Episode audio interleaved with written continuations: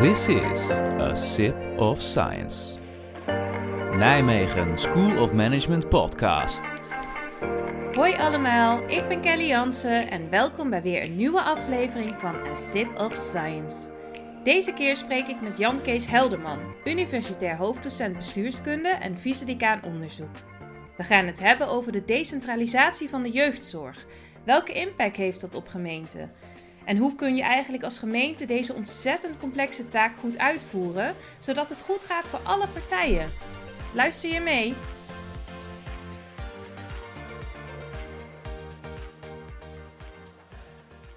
Uh, ik, ben een, ik, ben, ik ben eigenlijk planoloog, zeg ik altijd. Eigenlijk. En dat eigenlijk, ik weet nooit waarom ik dat zeg, maar misschien wel om te zeggen dat ik het niet meer ben. Maar ik heb er nog wel steeds heel veel mee. Um, ik heb me heel lang bezig gehouden met volkshuisvesting, woonbeleid. Dat was een onderdeel eigenlijk van de planologie. Toen ben ik naar de bestuurskunde gegaan.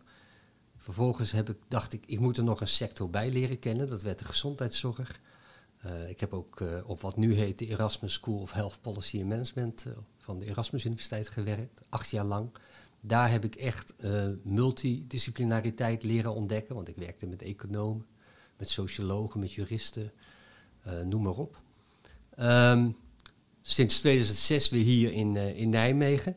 En eigenlijk volg ik in mijn onderzoek de ontwikkelingen in de verzorgingsstaat. Um, en um, we kregen in de 2007 al de eerste decentralisatie naar het sociaal domein. En volgens mij is dat een, uh, echt een, een, kritieke transformatie van onze verzorgingsstaat. Um, 2015 kwam daar de jeugdwet bij.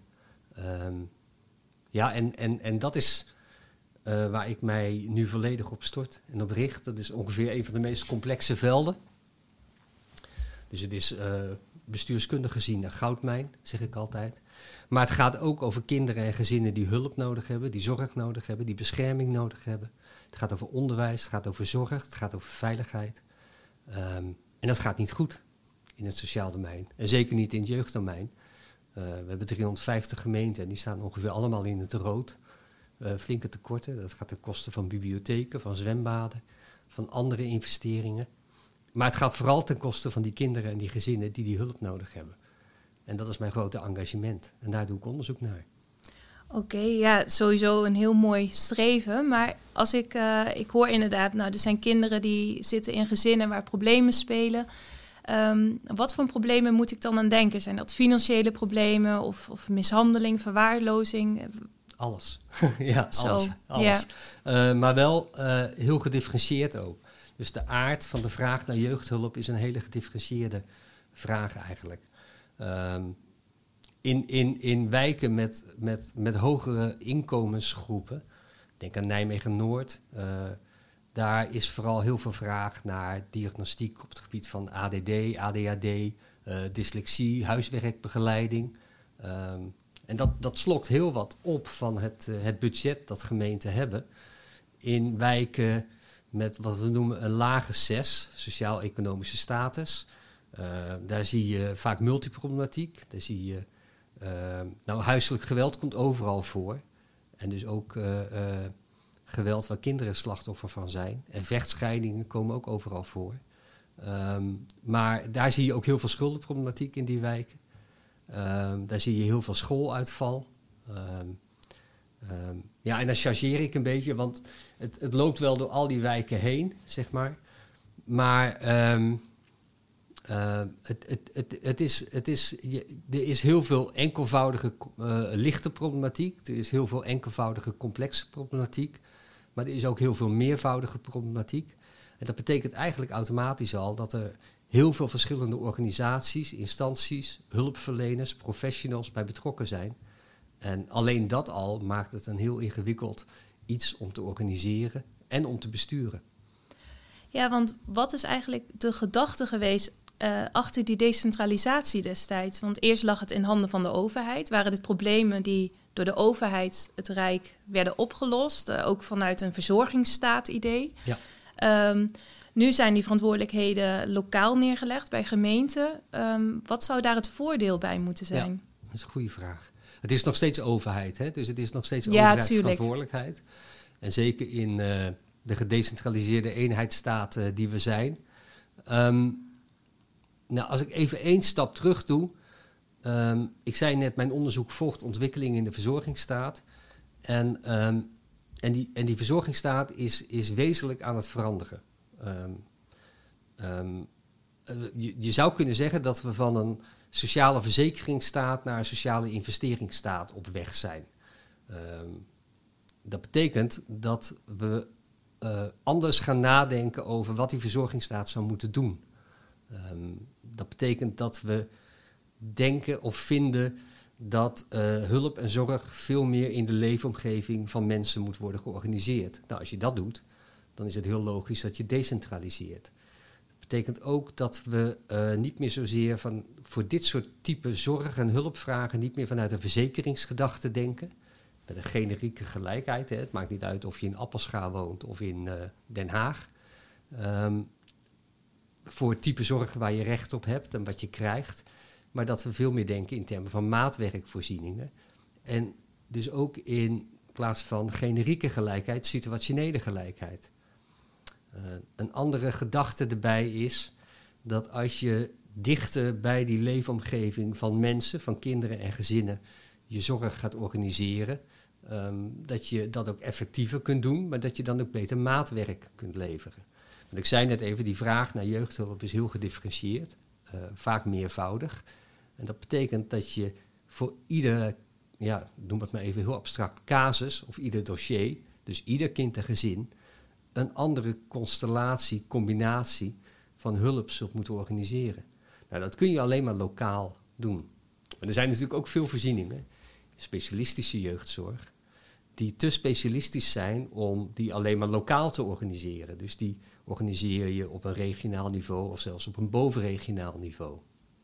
De hele complexe uh, uh, kind- en jeugdpsychiatrie bijvoorbeeld. Um, en dat betekent ook weer dat gemeenten daarop met elkaar moeten samenwerken. Uh, nou, dat maakt het zo complex. maar de gedachte erachter is er dus een van een ander type verzorgingsstaat. Veel meer gericht op mensen te helpen met het ontwikkelen van kansen uh, om, om uiteindelijk een volwaardig leven te leven, zou je kunnen zeggen. Voor kinderen geldt natuurlijk dat ze afhankelijk zijn van het gezin waar ze in opgroeien, maar wel op weg naar volwassenheid zijn. En um, ja, dat kun je eigenlijk alleen maar doen wanneer je die zorg zo lokaal mogelijk organiseert. Dat was de gedachte erachter. Er zitten nog een aantal andere gedachten achter en één perverse. Hm. De andere gedachte is dat uh, je eigenlijk moet aansluiten bij de eigen kracht van mensen. Nou is even de vraag of je die eigen kracht als conditie veronderstelt... of dat het een ambitie is waar je naartoe hebben wil. Hebben alle mensen dat ook? Precies, dat, dat, is, dat, is, dat is een belangrijke vraag. En de perverse gedachte was destijds dat omdat gemeenten dichter bij die mensen uh, zijn... ze het ook goedkoper kunnen doen. Dus we boeken de uh, bezuiniging maar vast in. Dus die decentralisatie in 2015 is gepaard gegaan met 15 tot 20 procent efficiëntiekorting, zoals dat zo mooi werd genoemd. Dat is wel een van de redenen waarom gemeenten nu heel veel geld tekort komen. Het is niet de enige reden. Ja, want uh, het klinkt allemaal inderdaad heel nobel. En ik had tussendoor nog even de vraag: situationele gelijkheid, bedoel je dan inderdaad situationele gelijkheid als in dat ieder kind, uh, ik noem nu kinderen, maar ieder kind dezelfde kansen heeft op een baan, op, op op te klimmen, onderwijs. Is dat situationele gelijkheid? Nou, je zou kunnen zeggen dat geen mens is gelijk. Um, en je moet ongelijke mensen niet uh, gelijk willen behandelen. Dat is ook een vorm van ongelijkheid eigenlijk. De situationele gelijkheid is, is dat, je, dat ieder mens uh, uh, recht heeft op de, op de hulp, op de, de aandacht, op de zorg die hij nodig heeft. Maar het verschilt per mens. En je zult het dus per situatie moeten bekijken. Dat is dat situationele gelijkheidsbeginsel. Ja, helder inderdaad. En een goede gedachte achter die decentralisatie is in ieder geval nu duidelijk en klinkt ook inderdaad nobel. Toch was de overheid destijds wat optimistischer over ze wilden besparen, bezuinigen. Um, en eigenlijk liepen gemeenten toch wel tegen die problemen aan. Die heb je zojuist ook geschetst, dat het toch vaak ja. complexe problematiek uh, is. Ja. Je hebt daar ook onderzoek naar gedaan en toch schrijf je bijvoorbeeld ook in je essay: Ik ben optimistisch, want ik denk dat dat de enige gemoedstoestand is die zinvol is in deze situatie. Precies. Ik, ik zeg letterlijk, ik ben geen geboren optimist, maar ik zie geen enkele andere gemoedstoestand die een zinvol verder brengt, geloof ik. Hè? Ja, prachtig. ja, dat, dat klopt. Nou, om, omdat die ambitie die erachter schuilt, die, die delen we ook wel met elkaar. Sterker nog, daar zijn we al heel lang naar op zoek. Ik, uh, ik ben lid geweest van een expertise-team uh, dat de Vereniging van Nederlandse Gemeenten moest adviseren over uh, nou ja, die moeizaam lopende transformatie. Kijk, in 2015 is de transitie afgerond. het, is, het is op het bord van de gemeente gelegd, maar toen moest de transformatie het daadwerkelijk anders gaan organiseren van je zorg het ook op een andere manier zorg verlenen, dat moest nog helemaal ontwikkeld worden. En daar zitten we nu middenin. Uh, en dat kost tijd, dat kost heel veel tijd. We hebben onderzoek gedaan recent naar vijf gemeenten waar het wel lijkt te lukken. En dan zie je, dat is interessant, dat die gemeenten al in 2009, 2010 zich zijn gaan voorbereiden op een komende decentralisatie. En dat ze heel erg vanuit de bedoeling van die jeugdwet zijn gaan denken. En op een hele consequente, consistente manier, maar ook zich voortdurend lerend hebben opgesteld. En ik ben ervan overtuigd dat als je dat leren binnen gemeenten, uh, tussen gemeenten en aanbieders van zorg, tussen gemeenten en professionals, als je dat goed organiseert, als je dat lerend vermogen organiseert, dat die transformatie daadwerkelijk kans heeft. Sterker nog, dan wordt het bijna gewoon een, een, een, een self-fulfilling prophecy.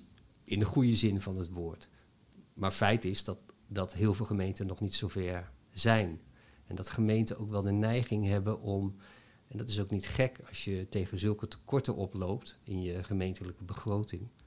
Er is een onderzoek geweest dat heeft gesteld, uh, recent ook, dat gemeenten er structureel 1,3 tot 1,5 miljard euro bij zouden moeten hebben.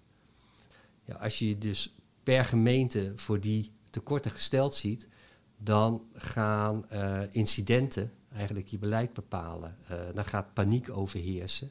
Dan verlies je de lange termijn op het oog. En dan verlies je ook wat er nodig is om dat lerend vermogen te organiseren. En ik denk dat het daar heel vaak fout op gaat. En wat we in deze vijf gemeenten zien, die wij hebben onderzocht.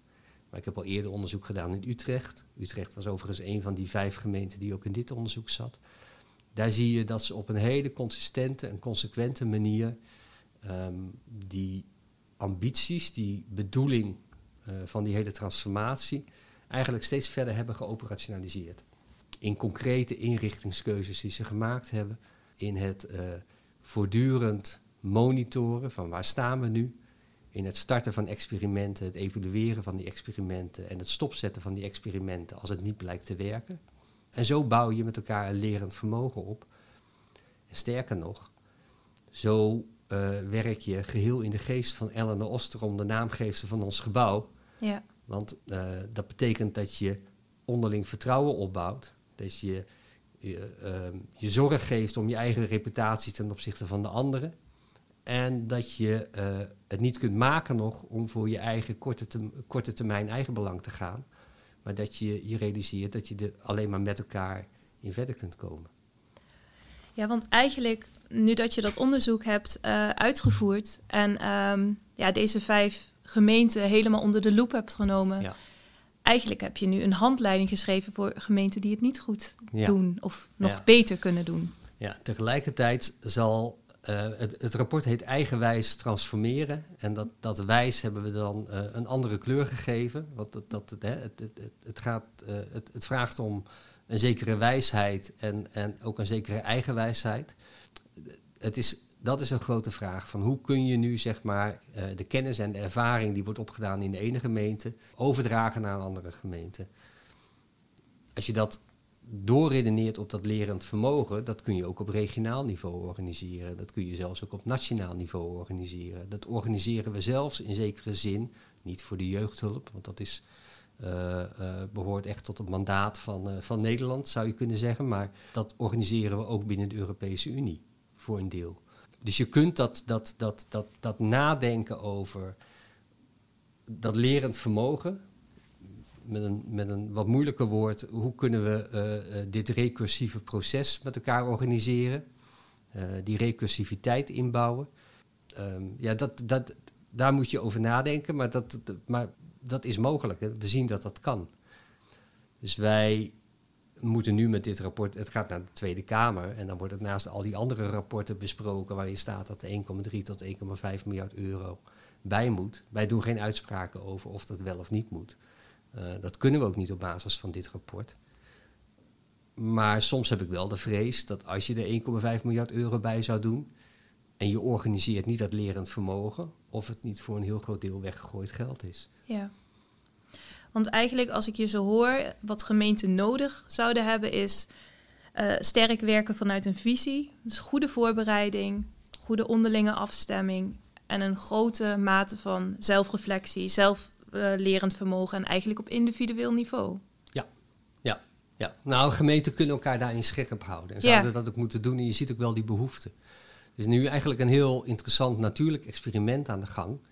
Want uh, Nijmegen, de stad Nijmegen waarin we wonen, heeft zich gerealiseerd dat uh, het niet goed gaat in het sociaal domein. Uh, met name in het jeugddomein. En die zijn eigenlijk een beetje overnieuw begonnen. hebben veel gekeken naar hoe het in Utrecht gaat. hebben een nieuwe aanbesteding gedaan. En er is nu een nieuwe stichting Buurteams Jeugdige in Nijmegen. Waar Localis, de organisatie die in Utrecht de buurtteams doet, een belangrijke kennispartner in is. En dat is een heel interessant natuurlijk experiment. Uh, want lukt het nu inderdaad om dat wat er in Utrecht goed lijkt te gaan, om dat ook in Nijmegen te gaan doen?